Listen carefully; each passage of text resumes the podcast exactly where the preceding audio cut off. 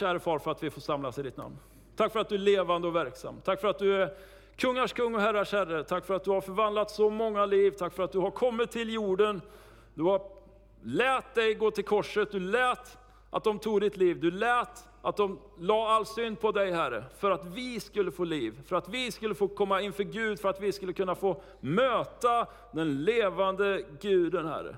Prisa ditt underbara namn. Prisa dig för att jag får vara här. Tack gode Gud för att det här är min hemförsamling med alla underbara människor som finns här. Kära vänner, goda vänner Herre. Vi ber också att vi som församling ska få stå enade inför dig. Visa den här staden vem du är, vad du har gjort och vad du är kapabel till Herre. Tack för att du vill möta med människor Herre. I Jesu Kristi namn. Amen. Det sägs att en eh, frestelse bara är en riktig frestelse när det blir rejält svårt att motstå den. På vissa områden i livet så tror jag att vi testas och frestas hårdare än andra. Eh, du kan ha samlat på dig mängder med kunskap om någonting, kanske ledarskap. Men det är först när du hamnar i en position av ledarskap som det kommer ut vad som finns på insidan. Allt annat är bara teori. Du kan sitta på tonvis med böcker och hyllmeter med böcker och pdf och allt möjligt. Men det är först när du sitter på en stol eller en position, när du har någonting att visa, så kommer det fram vad finns på insidan. Och eh, i allt detta så finns det ju en strid om våra sinnen. För vilka vi har blivit kanske, för vilka vi är på väg att bli, för vilka vi ska bli. För helt övertygad om att Gud har en plan med var och en av våra liv. Vare sig vi har kommit på det eller inte, vare sig vi är på väg in i det eller har levt med honom hur många år som helst, så fortsätter han ändå med sin plan för ditt liv. Och där finns det liksom en strid om sinnet. Ja, man känner värsta motståndet här? Ja, kanske för att du är aktiv i din tjänst. Så kanske du upplever något slags tryck från omgivningen. Vi ska gå till eh, bibelordet, Matteus 4, 1-11, som talar om när Jesus frestas och testas av djävulen själv. Vi står väl upp tillsammans, eller gör ni sånt fortfarande här?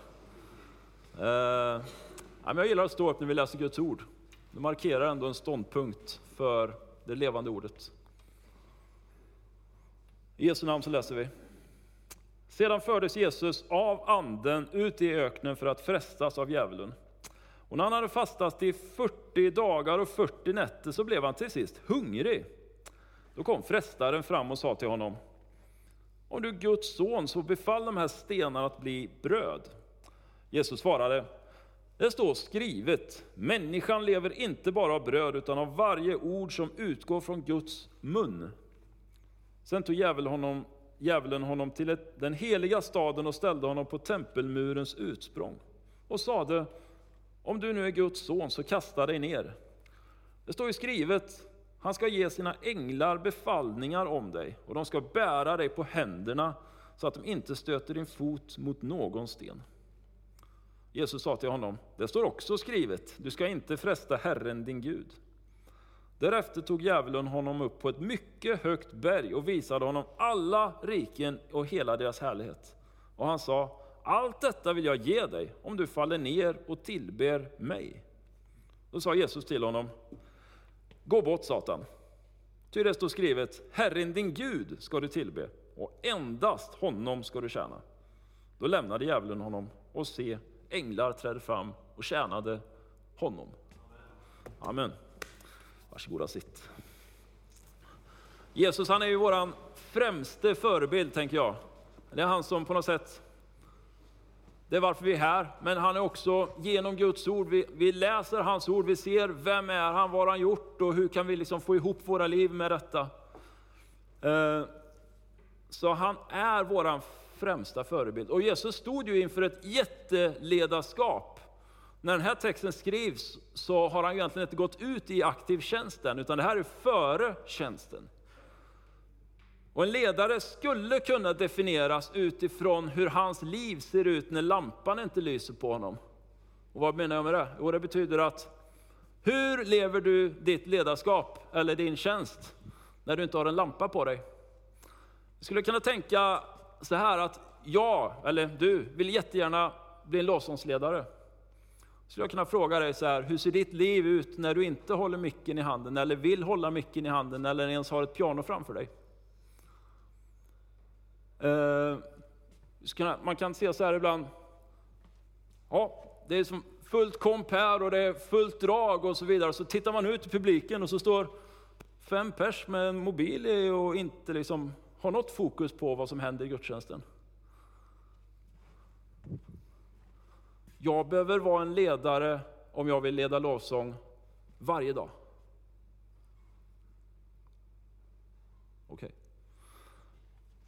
Så jag menar, när du väl sen har en scen, när du väl står där framme och när du väl äger micken eller pianot eller vad det nu är, då har du byggt upp någonting i det fördolda. Du har tränat din karaktär. Du har vant dig vid vad du ska göra. För det är det Jesus gör här. Han är på väg ut i tjänst, han är på väg ut till det offentliga kontoret. Liksom. Alla blickar kommer vara på honom.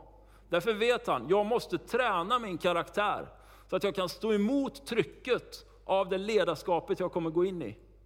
Och det gör han här, i ödemarken, i öknen eller vildmarken. Så att jag hörde om en pastor som fick en, eh, det kom en kille till hans församling och sa, jag skulle vilja gå in i ert lovsångsteam. Vad roligt, sa han så här. Då kan du komma klockan söndag när vi övar. Och vad han inte riktigt visste om den här killen, det var att han hade en artistbakgrund. Han var musiker och duktig på media och allt möjligt. Så han hade liksom varit i den här svängen länge. Så han räknade med att bara komma in inför den gruppen och bara få micken direkt och pianot. Och det var ju lampor i kyrkan också, så han tänkte det är fantastiskt, det kan jag liksom dra nytta av min kunskap.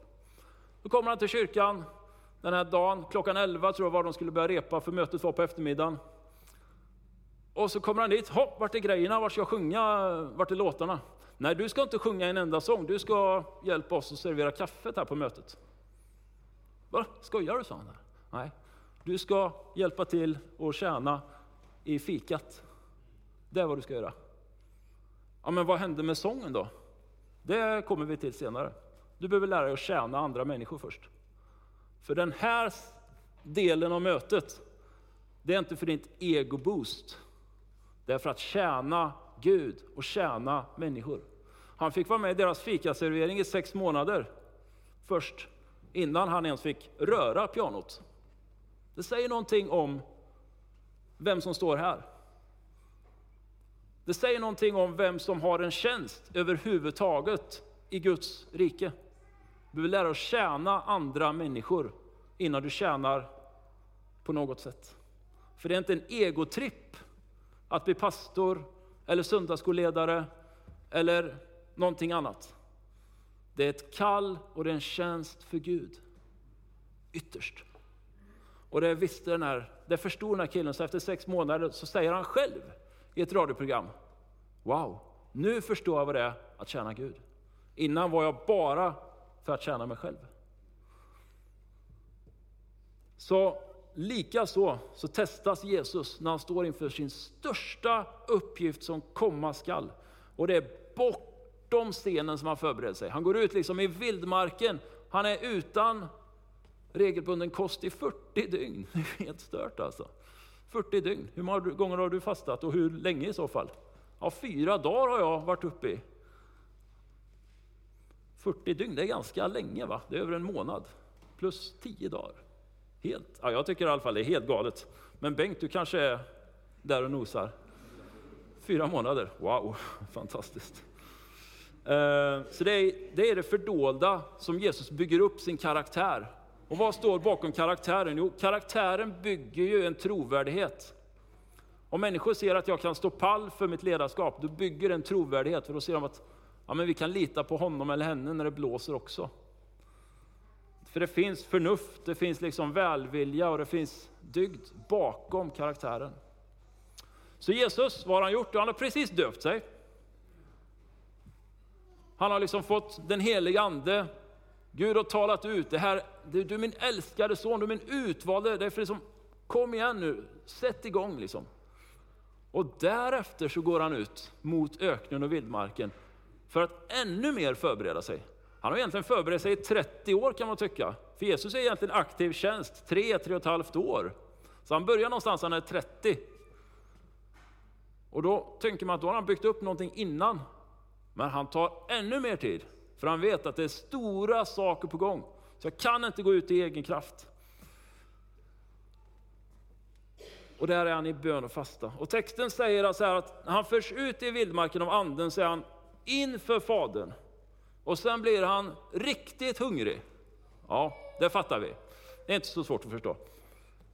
Oftast är den här texten översatt, och även i min bibel, med att Jesus frestas. Och det gör han ju på sätt och vis, men grundbetydelsen är egentligen att han testas. Han blir testad för vad han egentligen tror på. Står du pall för det här, så blir han testad och utmanad av Satan. Eh, frestelser handlar nästan alltid om att det ska förledas till synd på något sätt. Men test, det är för att ta fram vad som finns inuti dig. Så vi ska titta lite på, närmare på det här. För det här testet det handlar om att liksom lyfta fram, vad har du egentligen på insidan? Har du någonting som kommer att stå pall för resten av livet? Utmaningar, de har en tendens att dyka upp i svaga stunder. Därför kan jag nästan med 100% säga till dig att när du är som svagast, och du blir utsatt för test. Det är där du behöver vara extra varsam. Det är där du behöver vara liksom extra försiktig. Om du märker att det ruvar någonting i bakgrunden som vill lura eller snärja dig. Det är där förmodligen du kommer bli testad också. Eller frestad. För vi har känsliga punkter och det behöver man inte sticka under stolen med. Vi har sweet spots, eller ja, känsliga punkter där vi som personer eller individer är liksom, här är lite lättare att luras än annars. Och där behöver vi vara noga. Eh, vad händer? Jag tänker så här, parallellt med det här, alltså, när Jesus väl står där, han är liksom inför Gud, inför Fadern, han har varit i 40 dygn och fastat. Hur är känslan där liksom? Hur kunde Satan plötsligt komma och erbjuda saker som blev attraktiva för honom? För jag tänker, ibland så tänker vi bara på Jesus som fullständig Gud, men han var fullständig människa också, läser lärtexten. Han var både Gud och människa parallellt med varandra. Så det var kanske någon slags attraktion. Det är jag som spekulerar här. Så det som händer är att Jesus tre gånger testas av Satan. Och i varje fall så försöker han få liksom honom att kringgå det uppenbara läget. Du har ett case här, okej. Okay. Men jag har en idé för dig, du kan komma runt det. Så kan du komma ut på andra sidan lite lättare och lite grönare och lite skönare. För Satan är liksom både frestare och testare och anklagare. Så med andra ord så kommer han vilja snärja dig. Och när du väl har fallit för den frestelsen så kommer han anklaga dig. Och kvar står du med dåligt samvete. Första testet är om du nu är Guds son, så befall de här stenarna att bli bröd. Satan han försöker liksom lura honom eller att testa honom. Innebörden är liksom att vid ditt dop så fick du höra att du är Guds son. Du har ju allt detta. Du kan väl förvandla de här stenarna till bröd? Du är vuxen nu, du behöver inte Gud allt på samma sätt lite. Använd din makt istället. Vänta lite, alltså, Gud han finns kvar där uppe. Använd din makt istället. Gör det här, du kan komma runt problemet. Men Jesus han har ju blivit erkänd av Fadern. Han visste vem han var i Gud, han visste vart han fått sin makt ifrån. Guds heliga ande hade landat på honom. Och där står han liksom inför Satan. Han tänker så här. Här har jag ett case, hur ska jag komma runt det? Och vad händer? Vad händer? Jo, han står där, han vet vem han är, ändå så blir han testad. Testet handlar egentligen om förvandlingen, eller vad säger inte om själva förvandlingen i sig, utan det handlar om att, att liksom vika sig eller inte. För jag menar, om du nu har allt detta goda från Gud, då borde väl det här vara ett ganska litet problem att komma förbi. Ganska simpelt på något sätt. Jesus, han står där. Han är erkänd av Fadern. Och Guds heliga Ande hade landat på honom. Han visste vem han var, han visste vart han var på väg. Och sen kommer testet. Andra testet var ju, om du är Guds son, kasta dig då ner härifrån. För det kommer ändå komma änglar och fånga dig. Du säger ju att du litar på Gud, ja men eh, hoppa då. Hoppa då, jag menar, du sa ju nyss att du litade på honom. Var det inte så? Det är typ som att änglarna ska fånga dig om du hoppar ner. Det är som att du har fått en fallskärm på ryggen. Så att det är väl bara att sätta igång och hoppa då, så vet du att Gud är med dig. Och så börjar han fundera här. Men Jesus han har byggt sin karaktär på Guds ord. Han har förberett sig i det fördolda. Han var liksom redo när det här kom. Han visste vad som var på väg. Så han är redo när testet kommer. Och så kommer trean sen. Djävulen tar med honom upp på ett mycket högt berg och säger hur det här berget var vet vi inte riktigt. Men i alla fall så får han på något sätt se alla heriken i världen och säger att du, vet du vad? Om du faller ner och tillber mig, då får du allt det här. Då behöver du inte gå till korset egentligen. Då skippar vi det. Så har du alla rikena tillbaka. Men det som ligger bakom orden det är ju egentligen att om du faller ner och tillber mig här, ja då gör du mig till din Herre. Och det kan han ju absolut inte gå med på. Men du får tillbaka jorden. Människan hade ju fått jorden i arrende av Gud, lånat den, liksom beträtt den. Människan hade gjort bort sig och gjort Satan till sin herre istället. Det var därför Jesus var tvungen att komma, för att ta tillbaka liksom herraväldet. Öppna en väg till Gud. Så att varje människa som tror på honom, bekänner honom och tror på hans död och uppståndelse får liksom komma i kontakt med den levande guden.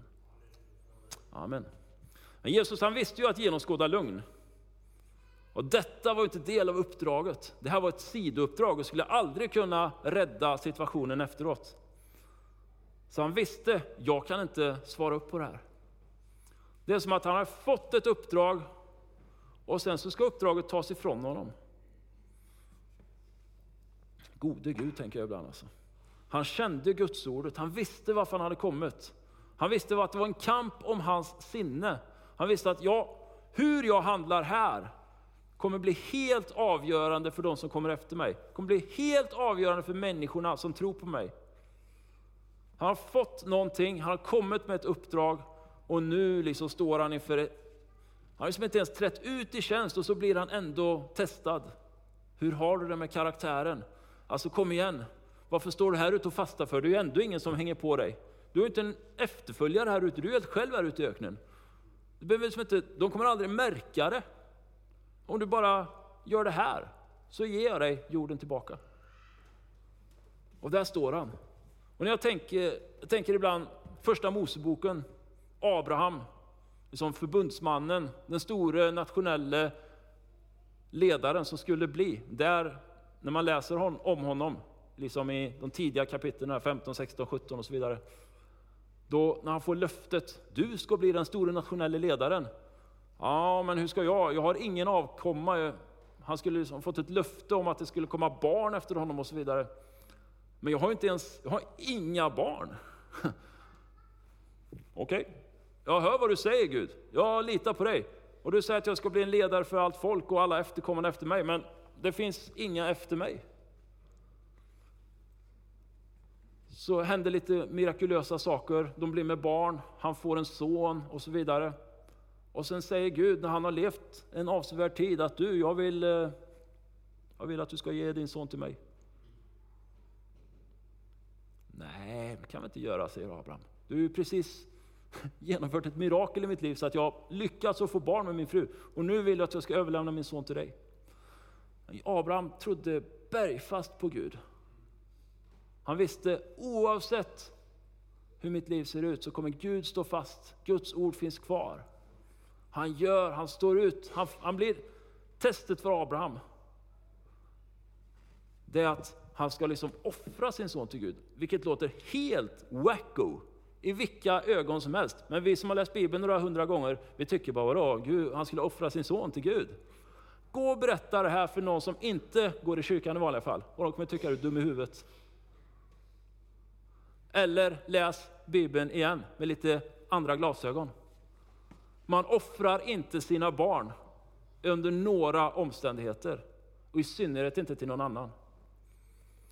Men Gud ville se vad är Abrahams hjärta gjort av? Vad finns i hans karaktär? Så när han väl kommer inför barn, när han kommer inför Gud med sitt barn, då säger han, jag kommer absolut inte ta din son ifrån dig. Det är klart att du ska ha din son. Jag ville se vad ditt hjärta var gjort av. Jag ville se ifall du litade på mig eller inte. Och det tror jag är precis så som hände Jesus. Han står inför sin stora frestelse. Han vet att han har uppdraget på gång. Och så får han ett sista test inför att han ska träda ut i tjänst. Jag bara undrar egentligen, vad står du i ditt liv idag? Vad har du fått kanske för kallelse på ditt liv eller vad har du för, vad har du för position på ditt jobb? Du kanske har blivit satt där av en anledning, vad vet jag? När du testas eller frestas, kom ihåg vem som är din Gud. Kom ihåg att han har lovat att vara med dig varje dag. Även om det känns kass just nu. Så ska vi ändå hålla blicken fäst på trons upphovsman och fullkomnare. Det är på grund av honom som vi lever vårt liv. Jesus han stod där, han kände Guds ord, han visste varför han hade kommit. Han visste att det var en kamp om hans sinne. Så hur överlistade Jesus Satan? Och han gick emot honom med auktoritet och i kraften av Guds ord. Boom! Liksom. Frestelserna kom, tillbaka med Guds ord. Det kom fler frestelser, på med Guds ord.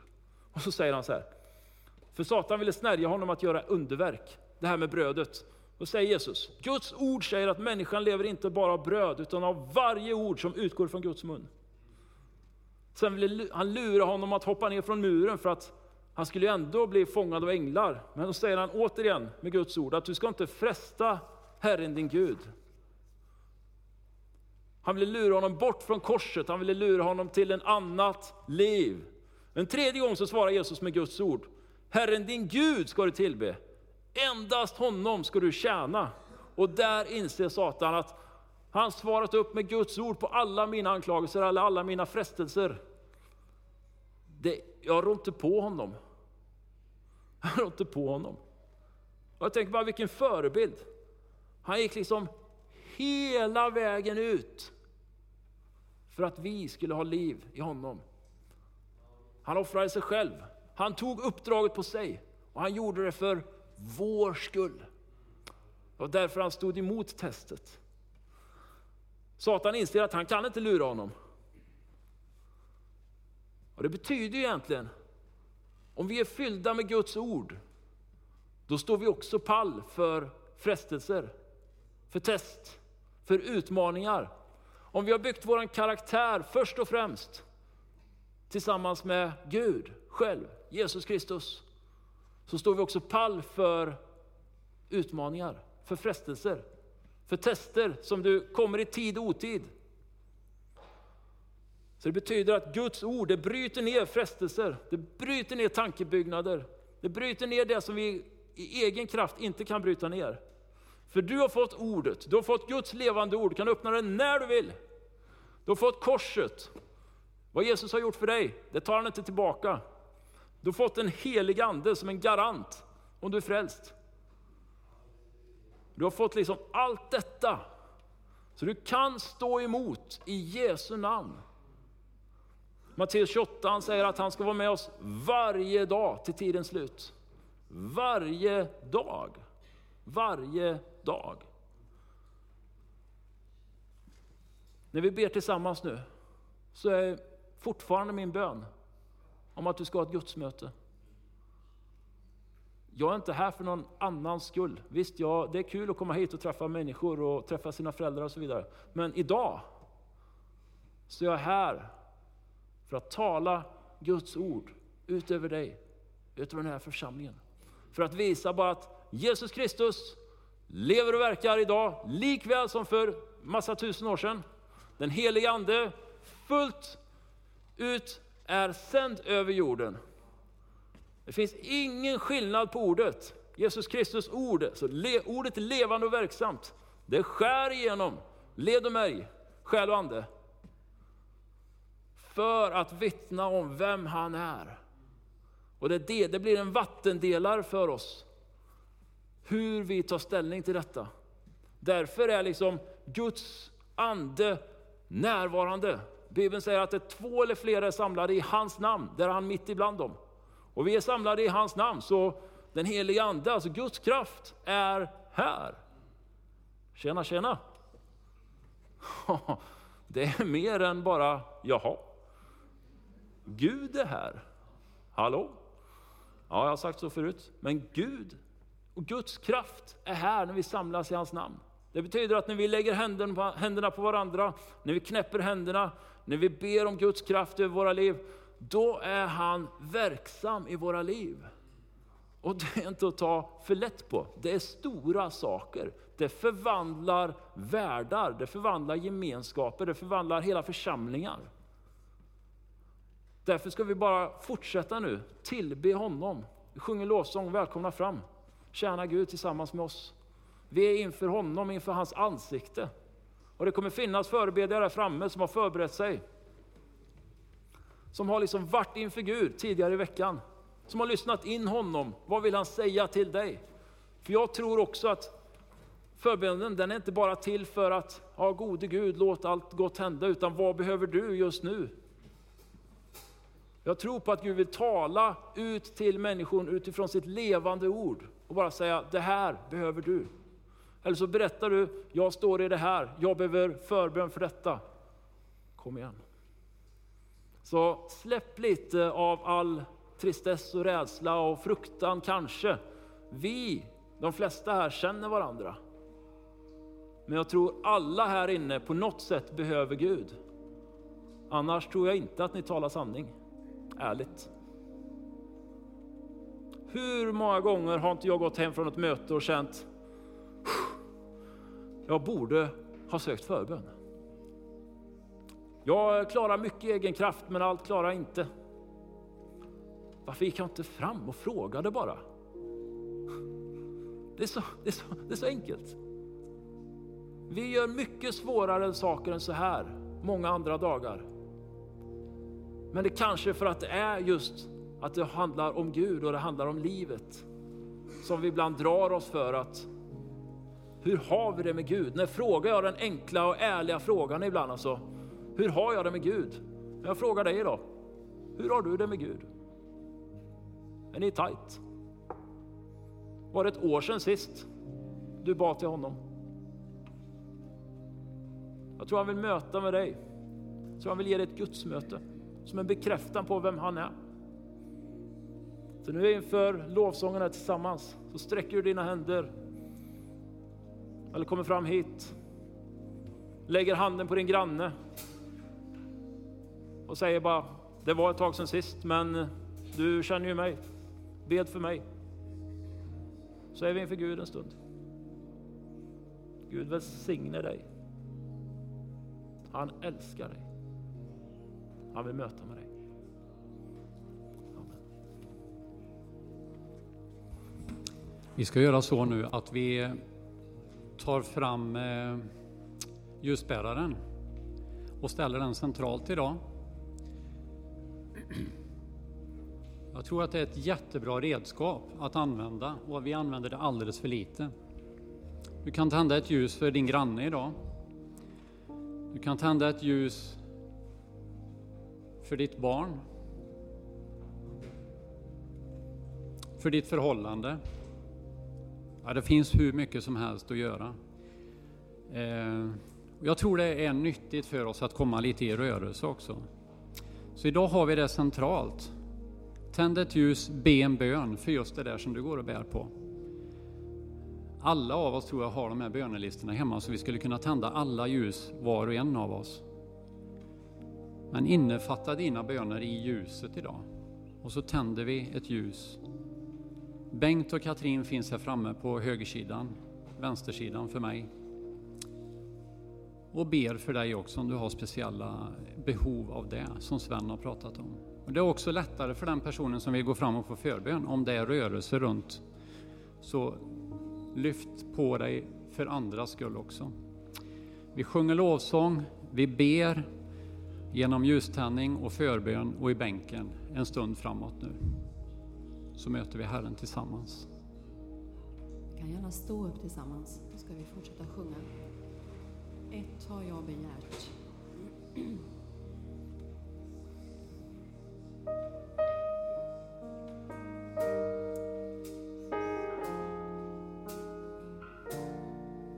Du har sagt att vi kan få be dig om vad helst vi vill. Allt vi drömmer